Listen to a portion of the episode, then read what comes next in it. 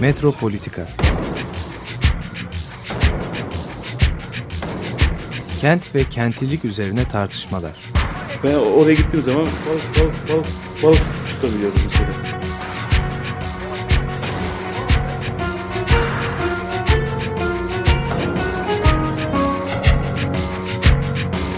Hazırlayıp sunanlar Aysin Türkmen, Korhan Gümüş ve Murat Güvenç.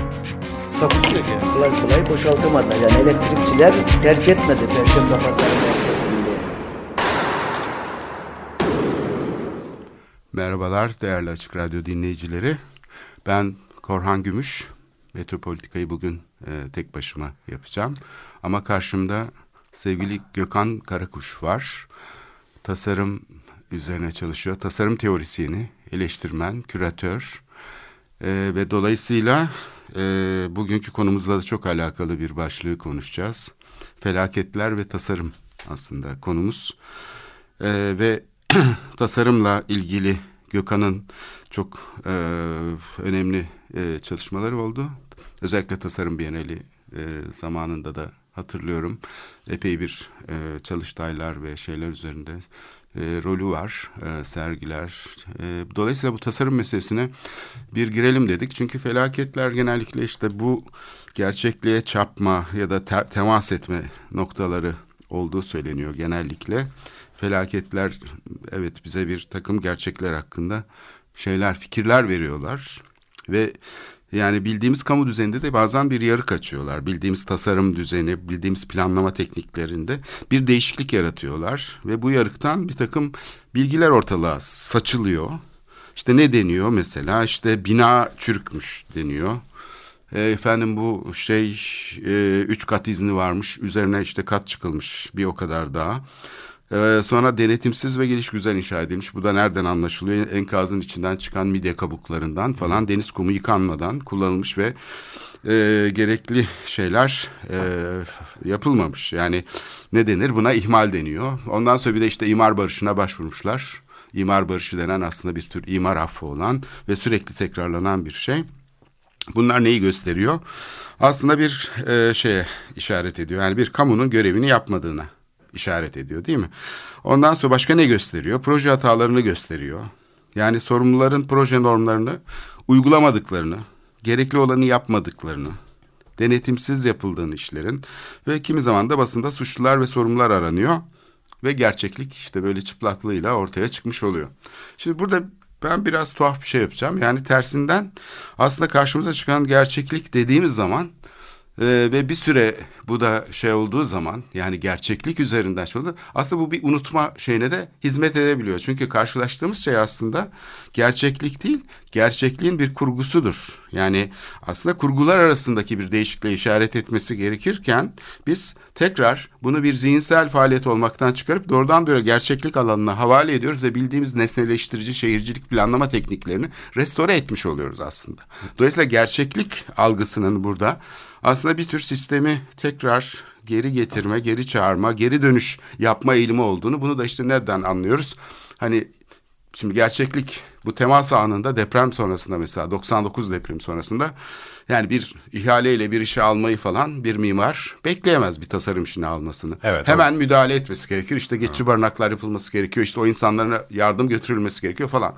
Şimdi sistem kendisini nasıl restore ediyor? Aradan bir zaman geçiyor hiçbir tecrübesi olmadığı halde birçok insan o süreçte e, esnek ve ilişkisel bir farklı tasarım metodolojisiyle mesela insanların yardımına koşuyorlar. Geçici barınaklar yapıyorlar, şeyler kullanıyorlar, tasarım bilgisini dışarıdan alabiliyorlar. Fakat devlet harekete geçtiği zaman birdenbire işte meraları betonluyor, o yeşil alanları yok ediyor.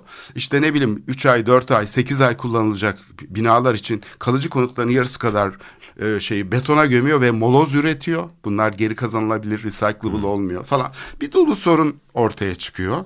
Dolayısıyla aslında bildiğimiz ihale sistemleri, bildiğimiz planlama sistemleri arkadan geldiğinde aslında bu gerçeklik meselesindeki aslında o temasını yaratmış olduğu farklı kurgu iptal edilip tekrar o hazırlanan master planlarda falan gerçeklik algısına geri dönülmüş oluyor ve sistem bir şekilde restore ediliyor. Zaten uzmanlar da diyorlar ki işte Yani diyorsun ki bu biz bir süreç. haklıydık, Biz gösterdik ama işte siyasetçiler bizi dinlemedi, halk bizi dinlemedi falan deyip aslında sistem tekrar eski asimetrik haline geri çağrılmış oluyor. Yani bütün atılan adımlar sistemi iyileştirmeye dönük olmaktan çok eski sistemi geri çağırmaya dönük adımlar hatta bazen işte kentsel dönüşüm konusunda falan olduğu gibi daha da biz bütün kullanılmaya ve istismara açık hale de gelebiliyor. Orada şey tanımlayabilir misin? Bu işin siyas, siyasal siyaset tarafı ve bürokratik tarafı. Yani bunu tek olarak mı görüyorsun yani? Ee, yani sistemin tabii ki bürokratik işleyişi var. O e, mevzuata yazan o e, e, o, o inşaat e, e, gerekçeleri yazan bir taraf var ama bunun da tabii ki yöneten bir e, siyas, e, siyasal bir katmanı var. Onu tek olarak mı görüyorsun burada? Şimdi burada aslında e, farklı şeyler var, e, roller var. Aslında dört tane önemli rol var. Yani bir tanesi kamu otoritesi, kural koyucu. Bir tanesi işte bilgi üreten uzman. Bir tanesi işte yerel halk başına felaket gelen sivil toplum. Öbür taraftan da bağımsız olarak bu bilgiyi işleyen ee, ve bu bağımlı e, şeylerin içinde yani ne bürokrasi içinde ne de ihale alan çıkar grubu içinde yer almayan bağımsız aktörler ki bunlar değişimi yaratan aslında bu aktörler. Hı. Bu taraflarla yeni bir ilişki biçimi kuran depremden sonra gördüğümüz şey bizim Hı. buydu yani böyle bir hareketlilik oluştu. Yani Hı. bu aktörler arasındaki rolleri yeniden düzenleyen bir yeni bir aktör çıkıyor. Bu aslında kamu ile de, kamu tarafından desteklenmek zorunda kalıyor ya da kamu ona karışamıyor. Deprem anı aslında bildiğimiz yani statükonun. Onu, onu uzman olarak görüyor musun? Onun uzmanlığı uzman, var mıdır? Evet, şey, e, tabii fırsatçılık ki. mı var orada? Ha şimdi o da olabilir o da olabilir. Ama burada yani şöyle bir şey var. Deprem anında mesela bir deprem sonrası sabah ne yapacaksın? Yani işte bir fırsatçılık şöyle ihaleyi bekleyeceksin bir ihale açılsın ben orada işte tasarımlarımı yapayım. Öyle değil. Orada harekete geçen insanlar kendilerine aslında şey yapıyorlar. Kendilerini paranteze alıyorlar. Yani bütün çıkar, gelir, hatta kendi imkanları, sağlık durumları, çocukları, aileleri, ne bileyim yaşam koşulları bunların hmm. hepsini askıya alıp fedakarca tabii e, ortaya çıkmış bir e, şey oluyor. Yüz binlerce insan mesela 99 depreminden sonra evet, evet. böyle ortaya çıktı. Yani aynı Gezi olayında olduğu gibi muazzam bir şey oldu, hareketlik oldu. Yani şeye sığmaz oldu. İşte Taksim Meydanı'nda yapıldı toplantılar. Hı hı. İşte belediye otobüslerini verdi, deniz otobüslerini kullanıldı. Başka yerlere yanaşması sağlandı. Mevcut yerlere yanaşamayınca falan. Yani o ertesi gün deprem sonrası, felaket sonrası gün ortaya çıkan e, şey var. Bir e, hani bir kötü olaydan sonra ortaya çıkan bir insanlık şeyi var, bilinci var. Bu kolektif bilinç aslında e, bir görünmeyen bir şey gösteriyor. Yani bizim kamu örgütlenmesinde hiç olmayan bir şey. İtfaiye örgütünde ya da acil durum yönetiminde hiç olmayan profesyonel yapının dışında aslında bu yapının yüz kat daha fazla genişleyebileceğini ve birdenbire hani asıl... Gönüllü. E, e, evet Hayır. bunlar gönüllü tabii ki. Yani ilk başta çünkü yani bir hmm. şey olamaz. Bu insanlar her şeylerini bırakıp yardıma koşuyorlar. İşte bir yani enkazın altında kalan insana nasıl hmm. yardım ediyorlarsa. Fakat bunu örgütlemeyi beceriyorlar. Çünkü bunlar aynı zamanda çok nitelikli, vasıflı uzmanlarla birlikte çalışıyorlar ya da böyle insanlar ilk harekete geçiyor. Çünkü orada bir eksiklik olduğunu fark ediyorlar. Yani bir yardım çalışmasının nasıl örgütleneceğini bilmeseler bile e, bildiğimiz o kamu örgütlenmesinin ilişkisel yapısını sökmeyi biliyorlar. Mesela ben şeyi hatırlıyorum 99 depreminden sonra özellikle bu ikinci deprem sonrasında 12 Kasım depreminden sonra e, bölgeye çok sayıda vali yardımcısı ve kaymakam gönderildi. Hı. 200 kişi gönderildi. Yani bu kamu elinden gelen şeyi yapmak için merkezde bekletmiş olduğu kadroları birdenbire deprem sahasına sürdü. Hı. Ve bunlar işte orada sağlam kalmış ne vardı? Diyelim kaplıcalar, kamu otelleri falan buralara yerleştiler. Birer de lüks otomobilleri vardı. Fakat hiçbir şey yapamadılar. Elleri kolları bağlıydı. Sadece işte bütün gün sıkıntıdan hani böyle borsada oynuyorlardı. İşte şey yapıyorlardı falan. Ben onların haline çok üzülüyordum. Çünkü sadece yetki yani onlar idare etmeyi şey yapıyorlar. Yani sadece emir vermeyi biliyorlar. Oysa ki ilişkiler çok farklı örgütlenmesi gerekiyor. Orada Yunanistan'dan gelen bir kişinin bir e, sağlık görevlisi nereye yerleştirileceğini şeyin bilmesi teknik gerekiyor. bir uzmanlık meselesine dönüşüyor yani. Evet. Kamusal bir idari bir şeye Evet. bilgi sahibi olmadığı için e, hiçbir şey olmuyor. Suyu çekilmiş, karada kalmış bir tekne gibi ya da bir balık gibi. Hmm. Dolayısıyla bütün o deneyimsiz olmasına rağmen idare etme tecrübesi Hmm. olmadığı halde yatay ilişkileri güçlendirebilen sivil toplum bireyleri Hmm. o deprem bölgesinde kurulan üç tane şey merkezi vardı. Yani bu e, ilk aşamadaki üç merkezden sonra tabii Düzce depreminden sonra yeni merkezler de kuruldu. Buradaki gönüllülerin yaptığının yüzde birini, binde birini yapamadılar ki, ki ellerinde büyük bütçe olmasına altlarında işte son model otomobilleri, makamı şoförleri bir de şoförleri vardı. Onun yerine mesela bir e, şey hani üniversite şey yapan, doktora çalışması yapan falan bir genç gelip çok daha fazla iş yapabiliyordu. Ne oluyordu? İşte bütün mesela basını e, o merkezler bilgilendiriyordu. Yani bütün büyük basın şeyleri ve hatta NATO'nun başındaki orgeneral gelip onları ziyaret ediyordu. Yani orgeneral bile hani NATO'nun başındaki asker bile nereden bilgi alacağını öyle biliyordu. Ya da Japon imparatoru baş danışmanına gönderdiği zaman hani belediyeyle ya da işte valilikle falan ilişki kuramıyordu. Bu e, şeylerle yapıyla bu esnek yapıyla ilişki kuruyordu çünkü burada bilgi buradaydı. Tamam soru şu öyleyse şu uzmanlı yani uz, dedin ki işte bağımsız aktörler kamu uzman ve halkla bu böyle bir dörtlü bir durum var. Ee, en oynak alan bu e, bağımsız e, grubu. Ama şu kamu o idarecilerin uzmanlığı özellikle yani bizim şu anda ilgilendiğimiz konu inşaat şehrin e, e, şehrin Kural koymak, e, kural değil mi? koymak. Planları orada ne yapmak. kadar e, bu aşamada uzmanlığı var orada? Yani bir uzmanlığı bu ülkenin e, yani mesela en eski okullarımızdan biri, en eskisi batı anlamda söylüyorum işte İstanbul Teknik Üniversitesi. Mühendislik eğitimi. Mühendislik eğitimi. Yani bir şeye dayanacaksak bu ülkenin son 250 yıllık bir e, e, teknik becerisi o mühendis kültürün İstanbul Teknik Üniversitesi'nden sonraki tüm işte Ankara Ekolu, ODTÜ'nün ondan sonra e, mesela benim bir araştırdığım bayındırlık e, kültürü 1940-50'lerden sonra e, tüm ülkeye yollar, binalar yapan, yaptıran çok uzman ve hakikaten kamu içinde üst e, e, üst e, kademelere gelebilecek insanlar vardı. En güçlü kurumlardan biri. Evet. Yani deney Onun biriktirmiş. devamı şu aş- aşamada gör, yani Orada sanki bir- görmüyor Orada görmüyorsa bir o kesinti oluyor. Bak, Evet, Şimdi tabii ki şimdi bu insanlar bu hareketin yani bu uzman, bağımsız uzman dediğimiz insanlar aslında yani bizim şimdi gerçeklik değil gerçeklik kurgusu diyorum ben o yüzden. Evet işte o yüzden şey- soruyorum. Orada ta- gerçeklik kurgusu ne kadar Yani kurgu? tasarımsal bir duruma tekabül eden bir şey var. Çünkü gerçeklik üzerinden konuşan uzmanlık bilgisi bir anda şey oluyor. işlevsiz kalıyor. Çünkü o gerçeklik kurgusu aslında bütün şeyi e, asimetrik bir şekilde planlamayı ve şeyi öngörüyor. Böyle bir anda ise farklı bir gerçeklik kurgusu ortaya çıkıyor. Gene uzmanlar var.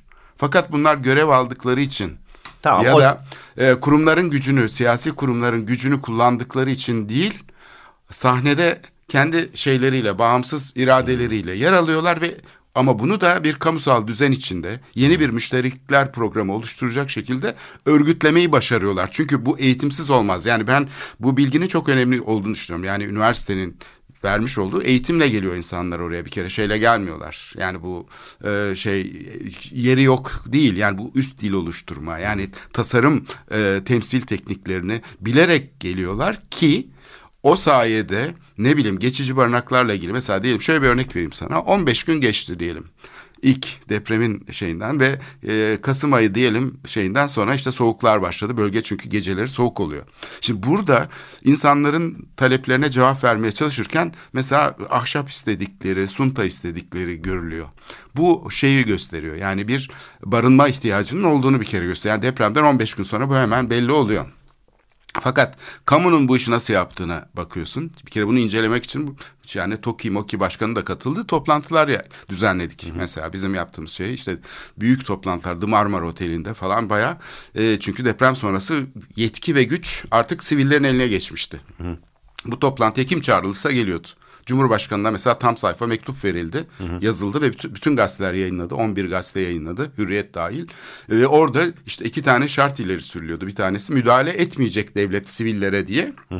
Ertesi gün Cumhurbaşkanı çıktı ve tamamen kabul ediyorum dedi ve özür diledi. Yani devletin e, müdahalesinin çünkü ters teptiğini gördü. Şimdi bu altında da tabii 200 tane STK'nın imzası vardı bu. Tabii orada bir Mektubun. orada bir şey vardı yani bu bir tabii ki uzmanlık ve ona e, bağlı olan e, bir idare biçimi bu STK'lık e, Tamam. kültüründen bu, bu vardı. STK'la yani bu gi- girişim, Tamamen şey bu değildi, girişim bağımsız bireylerin e, şey işte değildi. Bir sen gel, koordinasyonu bunu- evet. kesinlikle vardı ve onu çok iyi başarıyordu.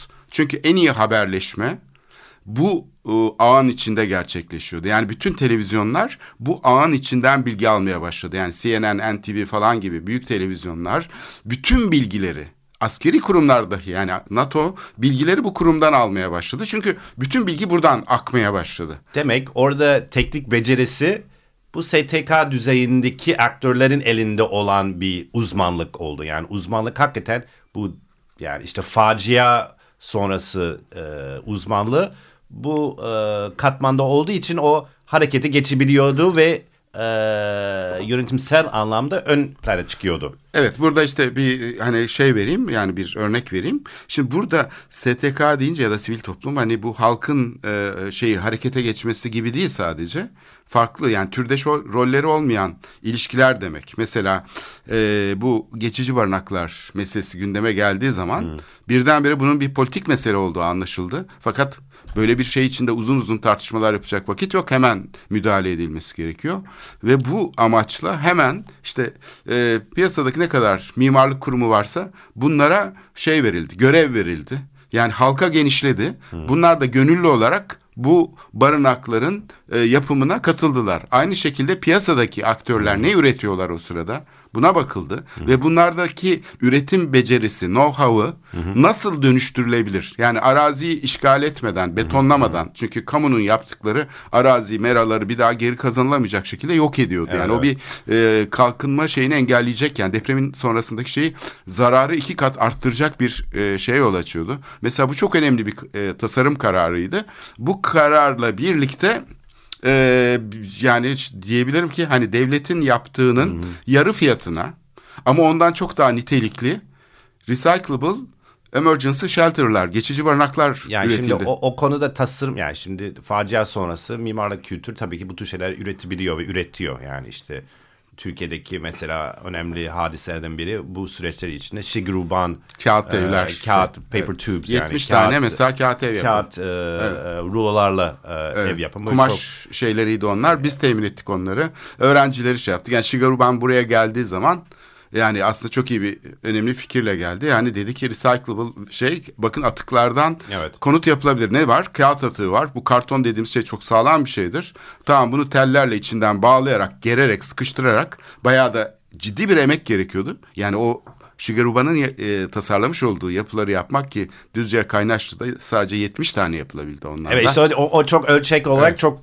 bir şey ama ifade bütün etmedi ama. mimarlık e, camiasında çok ses getirdi. evet. Şimdi e, aslında o e, yani yaklaşık 20 yıl sonra veya son 2-3 yılda tabii bizim bölgede coğrafik anlamda başka bir facia vardı. İşte bu mültecilerin doğudan batıya doğru akması ve ona göre Suriye Savaşı'ndan çıkanların e, geçici kampları içinde olması e, Yunanistan tarafında adalarda bir sürü e, geçici tırnak içinde geçici ne kadar geçici bilmiyoruz. E, kamplar birkaç adanın içinde. E, orada şunu gördük. Ben bu proseslere dahil oldum. E, biz ben de tasarımcı olarak tabii bunlar görerek Aa, bir şey yapmamız lazım diye düşünüyorsun. E, ne yapalım ne yapalım. Bu kampları inceledim ben. Yani özellikle Tolkien'in dahil olduğu e, bizim e, yapı kültürden çıkan e, böyle işte inşaat kamplarda kullanan e, konteynerleri e, kullanıyorlar şu anda. Bu kampların e, e, Suriye tarafında değil Türkiye tarafına bakarsan çok ciddi bir planlama ve e, organizasyon e, meselesi var. Ama bakıyorsun ki oradaki herhangi bir sosyal e, dokuya bağlı bir şey değil. Çok düz bir şekilde e, böyle grid e, şeklinde bunlar kurmuşlar koymuşlar. Biz onu e, çözmeye çalıştık bir takım yöntemleriyle. Ama bunu söyleme sebebi o, yani ne yaptığımız değil de yani aynen senin dediğin gibi orada bir boşluk vardı. Ee, biz de tasarımcı olarak bunu çözebileceğimiz bir uzmanlık getirebileceğimizi düş- düşündük. Ee, tabii ki sonradan bunu da fark ettim ki e, onu şurayı bağlayacağım. Şu bunun arkasında bizi oraya iten aslında ilk önce işte bir yarışma gibi bir şey işte fikirleriniz burada paylaşın internette. Orayı da e, bu fikrimizi oraya koyalım falan dedik. İşte Birleşik Milletler'in işte mülteci şeyini falan yazıyordu. E, Koyduk ettik. İşte böyle çok e, gönüllü olarak baktı. Ama onun arkasında şunu fark ettim sonra. Bu aslında bu internet sitesini kuran işte şeydi what design can do tasarım ne yapabilir senin konuna e, geliyor. Baktım bunun arkasında ciddi böyle bir corporatist kar amaçlı bir organizasyon. yani e, kendimi çok saf hissettim. Yani çok e, o tabii ki uzmanlığımı getirdim işin içinde. Bir, bir şeyler oluşturabildik. Kendimizi bir şey öğrendik. Ama e, bu Naomi Klein'in shock doctrine meselesi var. Yani bu tür facialardan sonra yani oraya en azından bu kurumsal corporatist e, kültüründen oradan e, nasıl e, para faydalanabilir. Bu- çok bizden daha iyiler. Kamusal enkaz var karşımızda. Yani şeyi düşünürsen mesela bu deprem sonrası bu acil barınak ihtiyacının konusunu kullanmak isteyen şirketler oldu. Bunlar aslında yardım yapıyormuş. Yani böyle bir kisve altında gelip sonra kendilerine yazlık ev arazi işgal etmeye çalıştılar Bolu dağlarında ve bu bir skandal oldu. Ve aradan da üstelik toplanan paraları kendi cebine indirenler oldu. Evet. Yani şimdi bu e, çok ciddi istismara açık. Ondan sonraki süreçteki kentsel dönüşümü hatırlayalım. Yani ne oldu? Şehrin en kaliteli yapı stoğu mesela İstanbul'un en kaliteli yapı, yapı stoğu tam da depreme dayanıksız diye yıkıldı. Yani bu kentsel dönüşüm e, şeyi furyası tam da az katlı yığma yapıları yok etti. Mesela Kadıköy, Caddebostan, Dalyan, Fenerbahçe, Evet. ve Kalamış'ta en sağlam yapılar yıkılarak onların yerine e, depremde belki yıkılmayabilir ama ekonomik değeri sona erecek. E, son derece lüks yapılar yapıldı ve yani bunun bedelini aslında bir kere daha ödedik. Yani deprem bir kere vurmuyor ya da felaketler sürekli vuruyor aslında arkasından eğer bu kurgulama süreçleri dikkate alınmazsa. Çünkü yani buradaki şey Tamam e, oraya gelelim yani yani burada kurgu kullanıyorsun. Kurgunun burada bir e, önemi var. E, bu kurgunun e, oluşması için e, yani aktörler e, kimdir yani kurgu kurgu kurgulayan yani işte yönetmen işte şey yazarı metin yazarı bunlar e, nasıl tür e, organizasyonlar? Evet yani bu şey aslında yani siyaset dediğimiz şeye dönmüş oluyoruz. Yani bunu söylerken belki tasarıma dönmüş oluyoruz. Yani çünkü felaketin ortaya koymuş olduğu gerçeklik çıplak bir gerçeklik değil. Çıplaklık ne anlamda söylüyorsun? Yani orada? orada Neden biz gerçek onu- değil de çıplak ger- çıplak gerçek yani değil? şey çünkü yani bizim bildiğimiz e, şey teknikleri planlama teknikleri çıplak gerçeklikten söz ediyorlar. Şehrin işte şeyi doğası hakkında, şehrin kültürel mirası hakkında, şehrin ulaşımı hakkında. Yani siyah beyaz şeyi bir yok bunun. Viktoryen bir e, zekayla kamu zekasıyla üst dil oluşturuyorlar. Yani onu temsil eden yani gösterenin üstüne başka bir gösteren yapışıyor. Ve onu o gösterenin üstünden okuyor. Yani aslında nesne üstünden okumuyor. Nesneyi gösterene dahil ederek onu aslında kontrol altına almış oluyor. Ulaşımdan söz eder- Göstererek. Evet, ulaşımdan söz ederken, kültürel miraslar neyin değerli neyin değersiz olduğunu bilirken, şehrin nerelerinin sit alanı olacağını, nerelerinin korunacağını, nerelerinin korunmayacağına karar verirken. Şimdi böyle bir şeyi biz de yani uzmanlık bilgisi olarak bir hani şey olarak kutsal olarak görüyoruz ve kabul ediyoruz. Yani rejim bu bilgiyi kabul ediyor ama ona karşı da semptomatik bir şekilde siyasal alan bu temsil edilmeyeni bir şekilde siyaset sahnesine taşıyor. Ve aynı şiddeti kullanarak, aynı mekanizmalarla buna da popülizm diyoruz. Dolayısıyla bizim siyasal rejimimiz aslında bir simgeselleştirilemeyen gerçek hakkında sahip olduğunu, o bir gerçeğe sahip olduğunu bir ruhban sınıfıyla, onu kutsallaştıran bir ruhban sınıfıyla Ruhban sınıfı da bugün e, e, kim e, orada e, tepede ruhban sınıfı hangi meslek? Bürokrasi ve şey yani aslında askeri kurumlar. Çünkü bütün bu mühendislik şeyleri askeri kurumlardan temsil teknikleri militer tekniklerdir. Yani bu şeyi ölçeklendirme Ruhban mekanizması. şeyisi o bu, bu noktada. Evet orası kutsal oraya e, dokunamıyorsun çünkü orasını şey yaptığın takdirde ha, bilim adına konuşuyor çünkü ve o temsil teknikleri aslında şeyi ölçek mekanizmalarıyla aslında kesinleştiriyor yani o gösteren şeyleri aslında kendi sahasına taşıyarak kontrol ediyor. Öbür tarafta tabii Hani bu kültürel miras konusunda görürüz, çevre konusunda görürüz falan. Böyle bir popülist halk şeyine plepleri temsil ediyormuş gibi gözüken ama aynı şiddet mekanizmasını kullanan çünkü öyle bir temsilin halkın temsilcisi olma şeyi imkansız bir şeydir. Evet. O da o gerçekliği temsil ederek onun karşısına çıkıyor ve bu ikisi sembiyotik bir ilişki içinde Türkiye'nin siyasal rejimini oluşturuyor. Bu ikili yani bizim iktidar çekirdeği, iktidar şeyi dediğimiz tabakalaşması dediğimiz şey Bu aslında popülizm ve bu ruhban e, yani uzman bilgi e, tabakalarının bilgi siyaset yönetici. sermayesiyle hani Evet. Bourdieu'cu bir manada söylersek hani siyaset sermayesiyle işte bilgi sermayesinin aslında bir şeyi bu koalisyonu. Fakat bunların şeyi aslında dünyevileşmemiş olması. Agamben'e burada re- referans verirsek. Yani hiçbir zaman sınırsız bir şekilde gerçekliğin aslında ele geçirilemeyeceğini söylemek yerine sürekli gerçekliğe sahip olduklarını söylüyorlar. Halbuki e, işte felaket anlarında gösterdiği gibi gerçekliğe aslında ulaşmak mümkün değil. Bunu sürekli sorgulamak sınırsız sonuçsuz Evet, bir şekilde yani bu yakıcı bir şeydir. Bir uzmanın yani bunu mesela biz depremden epey sonra sokak sokak bu çalışmayı yaptık. Bir mikro bölgeleme çalışması. Bu Ne, kimin adına yaptınız bunu? O işte dönem. bu koordinasyon şeyi siviller. Koordinasyon merkezi, Çünkü tamam. bunun sadece işte yani felaket anında yardım etmeye e, şey değil. Aynı zamanda bu deneyimin şeyde de yani mevcut yerleşim alanlarında da uygulanması lazım. E, böyle risk tipolojileri çıkarıldı. Bir bilgi bankası oluşturuldu ve bu tasarımlar yani üzerinden yapılar analiz edildi ve ona ilişkin şeylerde bu sefer yerel aktörler yani o mahallede yaşayan insanlar Hatta apartman yönetim toplantıları bir de düzenlendi. Mesela işte diyelim ki taşlar düşüyor. Bağlayıcılığını kaybetmiş harçlar. 100 sene geçiyor. 120 sene sonra Beyoğlu'ndaki yapılardan, cephelerden taşlar dü- düşüp insanlar ölüyordu mesela geçmişte. Hani bunlar nasıl yapıştı tekrar e, şey kazanabilir. Bunun için işte mikrofiberlerle işte karbon fiberle içine epoksi şey yaparak nasıl e, şeyler yapılabilir? Zımbalamalar yani tekrar ana gövdeyle taşıyıcı sistemle ya da rutubetin e, çelikler üzerinde yarattığı korozyonun aslında etkileri nasıl azaltılabilir? Yani rutubet diye görülüyor insanlar koku yapıyor diye ama aslında binanın taşıyıcı sistemi nasıl etkileniyor? Binalar arasındaki ilişkiler Nasıl? Yani çünkü bitişik nizam yapılar var şeyler. var. Yapıların taşıyıcı sistemine yapılan müdahalelerin hiçbir kaydı yok. Mesela Beyoğlu'ndaki ana caddelerdeki özellikle yapıların üçte ikisinde taşıyıcı sistemler değişmiş alt katlarda. Bunları görmüyor. İnsanları yani suçlamak yerine aslında bunları görünebilir hale getirmek. Bütün mesele bu. İstersen bir nefes alalım sonra Tamam, şeyle evet. devam edelim. Holger e, Zukaj'dan Evet, dinleyeceğiz. E, San Francisco Back Up Dream isimli parçayı.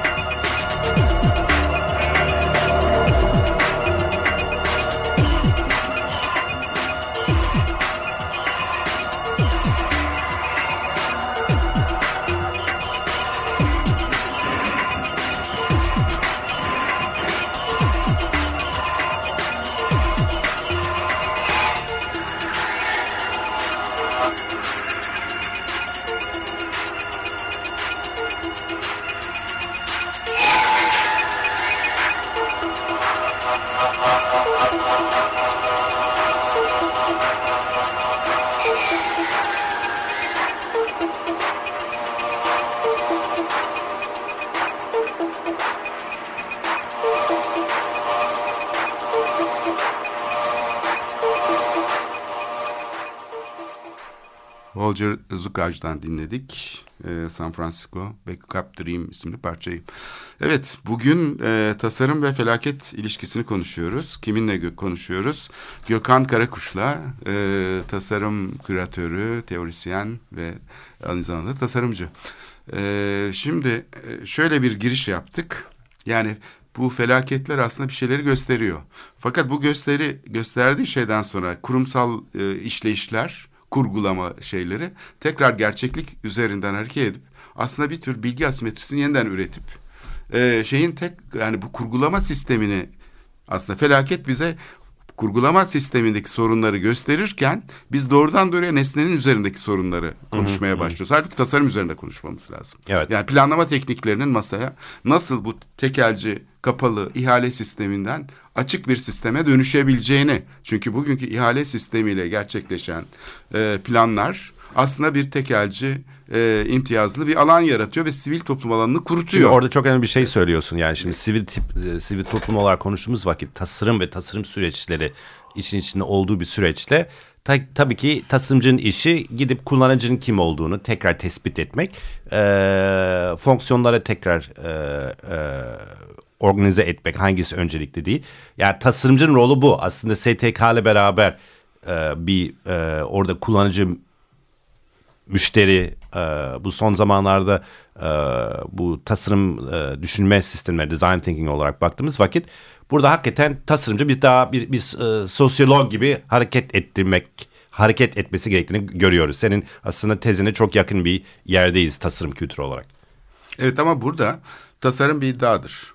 Yani tasarımın gerçeklik üzerinden konuşması mesela kültürel miras deyince hani doğrusu budur. dediğimiz zaman aslında biz tasarımın şeyini o öznenin üretmiş olduğu normun şiddetine e, şey yapıyoruz, hı hı. bırakıyoruz. Halbuki e, bu şeyin e, iddianın canlı tutulabilmesi için yani normun bir matrise bağlı olarak tekrarlanması değil, normun sürekli ma matrise bağlı olmadan lazım. canlı tutulması evet, gerekir. Yani senin canlı Kültürel güncelleme. miras meselesindeki bizim temel şeyimiz bir bıçak sırtı gibi. Bu ikisi arasındaki şey kafa karışıklığı bu problemi yaratıyor. Yani doğru bir şey söylüyor aslında kültürel mirasla ilgili evet, evet. hakikati dile getirdiğini söyleyen bir insan mesela surların kötü restore edildiğini söylüyor. Evet, evet. E, bunda hemfikiriz. Ama neyin neden böyle olduğu konusuna gelince orada bir problem var. Ben yaparsam daha iyisini yaparım demeye çalışıyor evet. tasarımcı. Oysa ki kamusal sistemi sorgulaması lazım. Yani bu kurgulama sistemini konuşmak gerekirken tam tersine kurgulama sistemi bırakıp gerçek üzerinden konuşmaya başlıyor ve gerçekliği bildiğini evet. yani kutsallaştırıyor kendi bilgisini. Yani, Dünyevileştirmiyor. Tasarım proseslere baktığımız vakit tekrar tas gelen tasarım brief'i sorgulamak. Yani bu brief neden hazırlandı, neden böyle bir su restorasyon politikası vardı gibi bir e, onun kaynağını tekrar e, çok eleştirel bir şekilde bazen sorgulamaktan söz ediyoruz. Kesinlikle. Mesela şimdi bu e, Heritage Fuarı var. Hani gördüğümüz şey hani burada restorasyon restorasyon fuarı ve işte mimarların, e, evet. müteahhitlerin bulunduğu Evet, ortam. orada mesela işte Türkiye'de büyük bir sektör bu. Büyük bir sektör. Yani orada gördüğümüz zaman uygulamacıları ve işte bu sektörden işte para kazanmaya şey yapan piyasa aktörlerinin öne çıktığını görüyoruz. Halbuki kültürel miras yönetiminin kendisinin bu şeyden uygulama alanından bağımsız olması lazım. Çünkü neyin yapılacağını eğer kamu süreçlerinde belirleyemezsen o zaman uygulamacılara mahkum kalırsın ve ona göre işte Türkiye'deki uygulama koşullandırması bundan.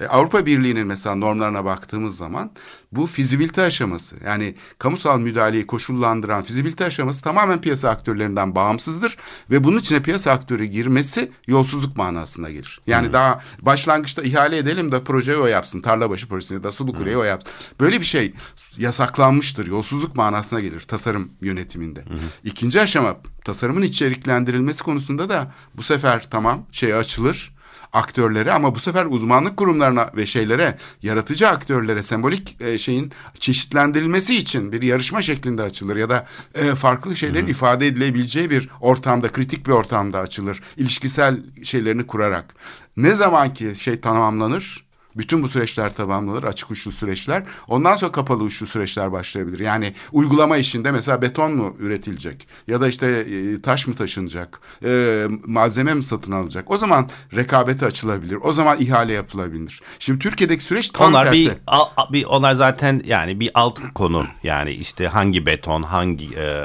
Tabii hangi- ama onun içeriklendirilmesi lazım. Yani kerestenin efsafını belirlemeden ihale açamazsın ki. Bizde mesela ihale açılıyor proje için. Proje kiloyla ölçülebilen bir şey değil ki. Yani şimdi bütün İstanbul'un şehir planları e, imar planları, 1 bölü 5 binler, 1 bölü binler ihaleyle yaptırılıyor. Bunu nasıl ölçüyorsunuz? Kiloyla mı ölçülüyor? Yani bir şey, kereste bile satın alsanız kiloyla ölçemezsiniz. Efsafını bilmeniz lazım. Ceviz mi ağacı olacak, meşe mi olacak? Şu, yani ceviz, şu mu daha, olacak mı? Daha kompleks, daha karışık bir hesap yapılması gerektiği bu Matrix'in daha e, büyümesi, Matrix'in fiziksel ekonomik tarafı bağlı. Ben de şunu da ekleyebilirim tasarımcı olarak.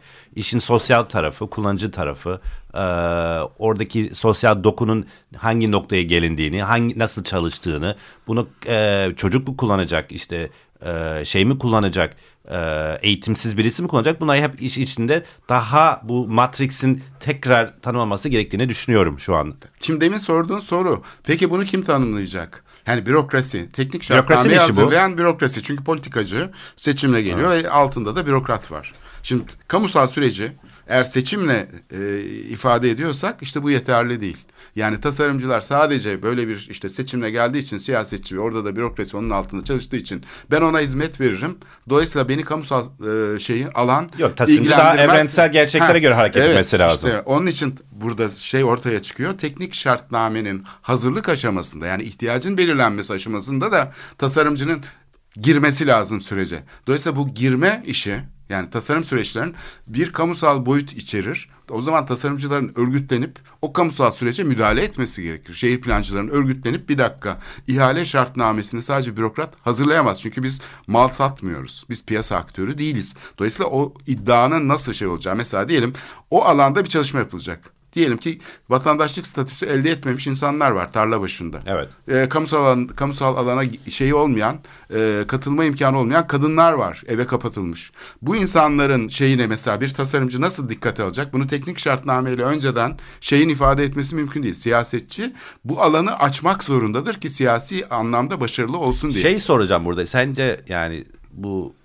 bu yani olay çok parametrik olarak çok mu kompleks oldu ki bu uzmanlar bunu bir türlü kurgulamıyorlar bürokrasi içinde yani e, 20 yıl evvelkinden eliyle elinden çok daha kompleks bir şeyimiz var mı şu anda e, sisteme zorlayan e, veya başka bir sebepler mi var? Şimdi bizim e, kamu modeli aslında bu neoliberal dönüşümü karşı dirençli hale gelemedi. Yani bildiğimiz katılım yöntemleri çok siyasi şeylerde kaldığı için yani toplumu tasarlama idealleri üzerinden kurulmuş 1930'ların ya da hatta 19. yüzyılın şeyleri parametreleriyle hareket ettiği için iktidarı ele geçirmek işte falan üzerine yani politik kimliği tasarımcının hep bir rozet gibi yakasında taşıdığı bir şey.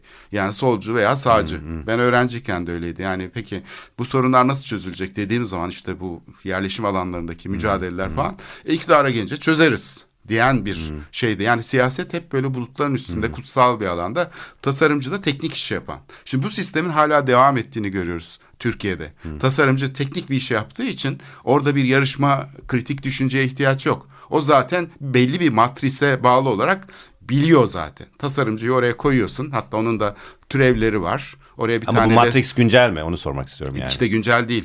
Yani İkinci Dünya Savaşı'ndan sonra bu matris bayağı hatta İkinci Dünya Savaşı'ndan önce aslında modern tasarım problematiği, modern sanat problematiği bunu tamamen sökmeyi başardı veya denedi. Yani bugünkü bizim kullandığımız matris ise e, şeyin e, kalıntısı yani faşizmin bir kalıntısı denebilir. Bürokratik bir kamunun aslında ve bürokratik bir uzmanlık tanımı. Yani uzman bilir. Mimar. Hayır efendim mimar çok çeşitlidir. Mimarlık fikirleri başka şeyler olabilir. Orada da İ- şey- İlla da tek bir fikir yoktur. Mesela Taksim'deki tünelleri yapan üniversite hocaları biz eleştirdiğimiz zaman çok eskiden yani bu son projenin de aslında problemi oydu. Ee, bilimsel bir konu bunu tartışamazsınız diyorlardı bize. Yani te- teknik bir konu. Şimdi üzerindeki kışlayı konuşabilirsin. Üzerindeki camiyi konuşabilirsin. AKM'yi konuşabilirsin de. Ama tüneller asla o yüksek kamu yani o ruhban sınıfının en üst düzeyi. Mesela şeye yapılan Kabataş'a yapılan tüneli düşünelim. Evet. Martı projesinin arkasında e, bir üniversite kurmaya yetecek kadar bütçeyle bir tünel tasarlandı. Orada tünele gerek yoktu. Set önü zaten o. Set üstü dediğimiz yerin önünde tünele ne? Ve orada camiler var işte değil mi? Nusretiye Camisi var. Dolmabahçe Camisi var falan. Onların ortasına tünel koymak ve yarıklar açmak. Ya ilk akla gelecek şey ulaşımı çözmek dedikleri şey aslında düz bir şey mantığı. Yani seksiyonlaşmış bir kamu zekası. O bir şiddet içeriyor. Yani bunu konuşmaya kalktığınızda da hayır efendim bu uzmanlık konusu. Bu konuşulmaz. Bütün İstanbul'un meydanlarını tüneller ve otoyol kavşaklarını çevirmeye çalıştılar biliyorsun 80'li yıllardan evet. sonra. Şimdi orada yani uzmanlık ve bunun e, yani işte 21 yüzyılındaki durumları çok böyle biz mimarlık dünyadan çok kısa bir hadise. E, olayın e, e, çok kompleks olduğunu, bu şehirlerin çok e, e, e, hakikaten e, yoğun olduğunu görerek tabii ki başka e, araçlar kullanmaya başladı. Örneğin mimarların, e, e, inşaatçıların kullandığı bir takım yazılımlar çıktı. Bunların isimleri mesela BIM, e, Building Information Modeling. Yani her türlü bir şey öncesi teknik olarak model etmek, işte her türlü ona göre yazımsal Onun olarak bir sürü parametre. işte bu. Ama bunu görüyorum ki Türkiye'de e, yani uzman denen sınıfın henüz bunun e, Bu şeysi aslında yok. şi- aslında bu görme kaybı. Ya örnek olarak görme söylüyorum kaybı uzmanlık veya anlamda. cahillik olarak görülebilir. Aslında bu görme kaybı değil. Tam da bir deneyim. Uzmanın kendi ayrıcalıklarını, imtiyazını elde etmek için kullandığı bir şiddet deneyimi. Mesela Hmm. Sütlüce mezbahasını yıkan mimar şunu söylüyordu bana sürekli. Ben yazıyordum işte bu bina korunabilirdi yanına bir tane çok amaçlı salon yapılabilir. Fakat altına bir tünel yapıldı ve o tünel muazzam kaynak israfına yol açtı ve iki semti de birbirinden ayırdı. Yani o tünel zararı olan bir tünel. Evet. Ama o tüneli yapan şey e, mimar diyordu ki e, restorasyon böyle yapılır. Bu bina yıkılacak ve yeniden yapılacak. Bu da bir restorasyon yani bu bu şeydir, kaçınılmazdır. Ben de diyordum ki sizin fikriniz benimkinden çok daha değerli olabilir. Şimdi buradaki kritik düşünce bu. Ama başka fikirde olabilir. Evet. Sulukule projesini yapan hocalar, üniversite hocaları bizim karşımıza gelip böyle kendi bilgilerini sergiliyorlardı. Bu böyle yapılır bu iş.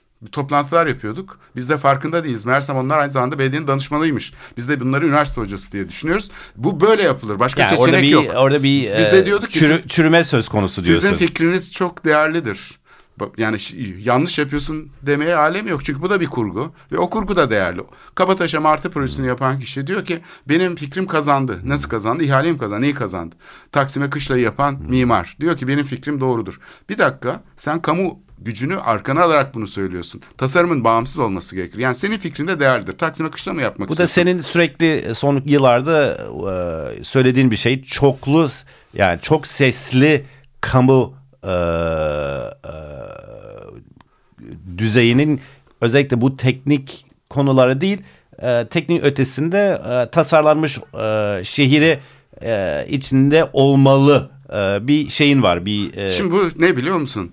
Ee, Agamben buna dünyevileşme diyor ama ben sekülerleşme diyorum. Tasarımın sekülerleşmesi. Yani iktidar aygıtından tasarım ayrışmak zorunda. Kültür aygıtı ayrışmak zorunda. Eğer iktidar ar- aygıtıyla örtüşürse tasarım işte kışla projesi oluyor. işte martı projesi oluyor. Benim işte orada surlu- tezim yani şimdi bu e, çok e, öbür tarafında yani e, kamu ve Türkiye düzeyinde yani dünyanın benim e, içinde olduğu hesaplamalı tasarım işte bilgisayara dayalı mimarlık e, şeyleri var. O çok hızlı gelişiyor ve şu anda yani e, ana tasarımsal e, araçlardan biri olarak kullanılıyor. Bunu kullanmadığınız vakit yani hakikaten bazı şeyler e, göremiyorsunuz. Böyle biraz kör topal ilerliyorsunuz. Yani bu dünyaya çözmek için bu araçlar kullanmadığın vakit hakikaten senin dediğin gibi o örtüşmeden o uzmanlık güvenemem.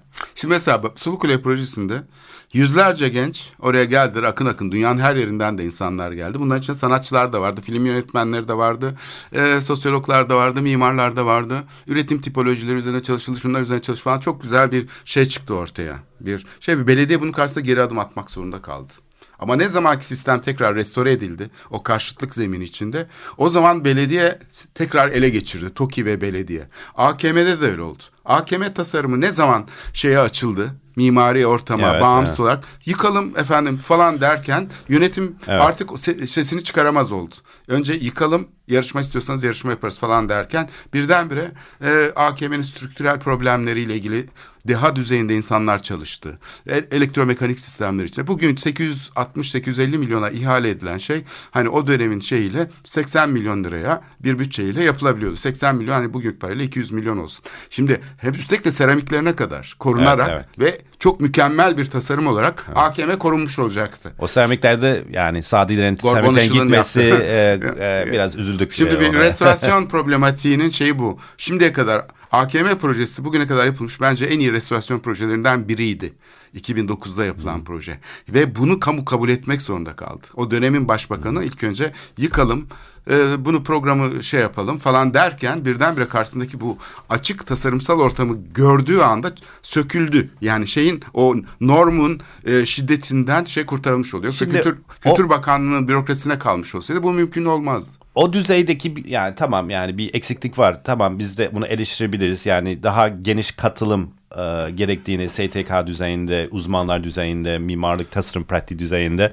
Yani şunu son olarak şunu söylemek istiyorum. Tamam kültürel binaları, işte şehir ulaşım, e, tabii ki işin meselesi bu var ama gittikçe ölçek büyüyünce ve böyle bir complexity yani İngilizce lafı olarak kullanıyorum bir karışıklık var ise e, biz bir tasarım mimarlık kültürü o güncel araçlar kullanmadığımız vakit ve bunu senin dediğin gibi e, prosese dahil etmediğimiz vakit çok geride kalacağız ve daha büyük facialara yol açabiliriz diye Kesinlikle. üzerek söylüyorum. Evet Son- şimdi bu söylediğin yani geldiğin nokta çok önemli. Sayeden çok arkaik bir tasarım yönetim sistemiyle karşı karşıyayız. Kamuda kamu aslında çöp üretiyor. Yani bir enkaz üretiyor şu anda.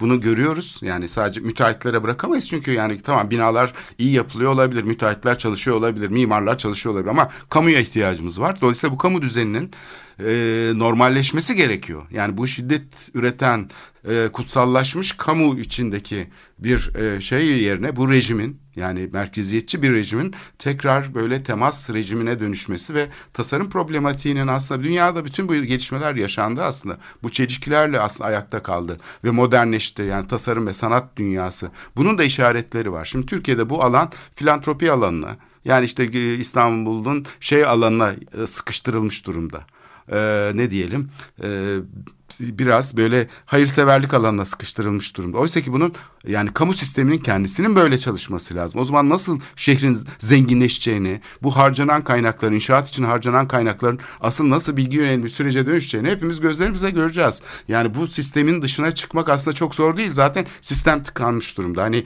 bize hayal kuruyorsun falan diyenler olabilir. Hayır tam tersine. Asıl öbürü hayal.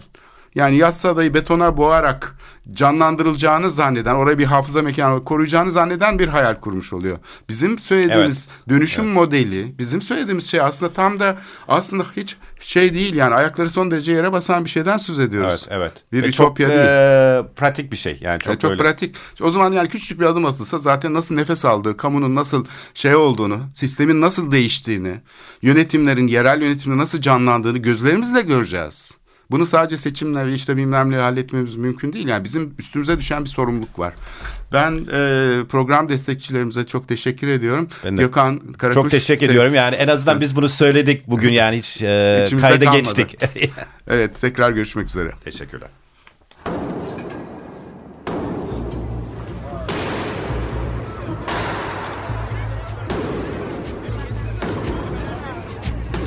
Metropolitika Kent ve kentlilik üzerine tartışmalar. Ben oraya gittiğim zaman balık balık balık balık tutabiliyoruz mesela.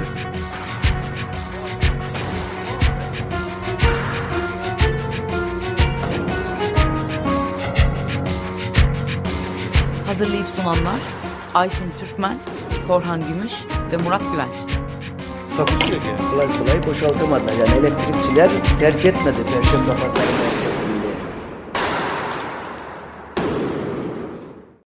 Açık Radyo program destekçisi olun. Bir veya daha fazla programa destek olmak için 212 alan koduyla 343 41 41.